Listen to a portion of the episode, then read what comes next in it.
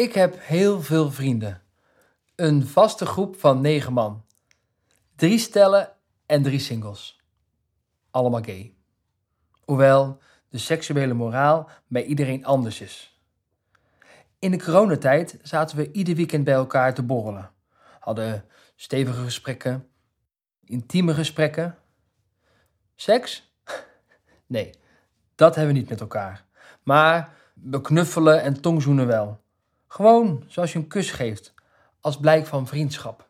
Even een intiem momentje. Als Benvolio vorm ik met Mercutio en Romeo ook een vriendengroep. In het echte leven zou ik met Romeo en Mercutio ook gewoon zoenen. Als kind ben ik opgevoed met doe maar normaal. Steek je kop niet boven het maaiveld uit. Mijn moeder overleed toen ik 11 was. En mijn vader toen ik 27 was. Niet iedereen weet dat ik naar gayfeesten ga of dat ik een open relatie heb.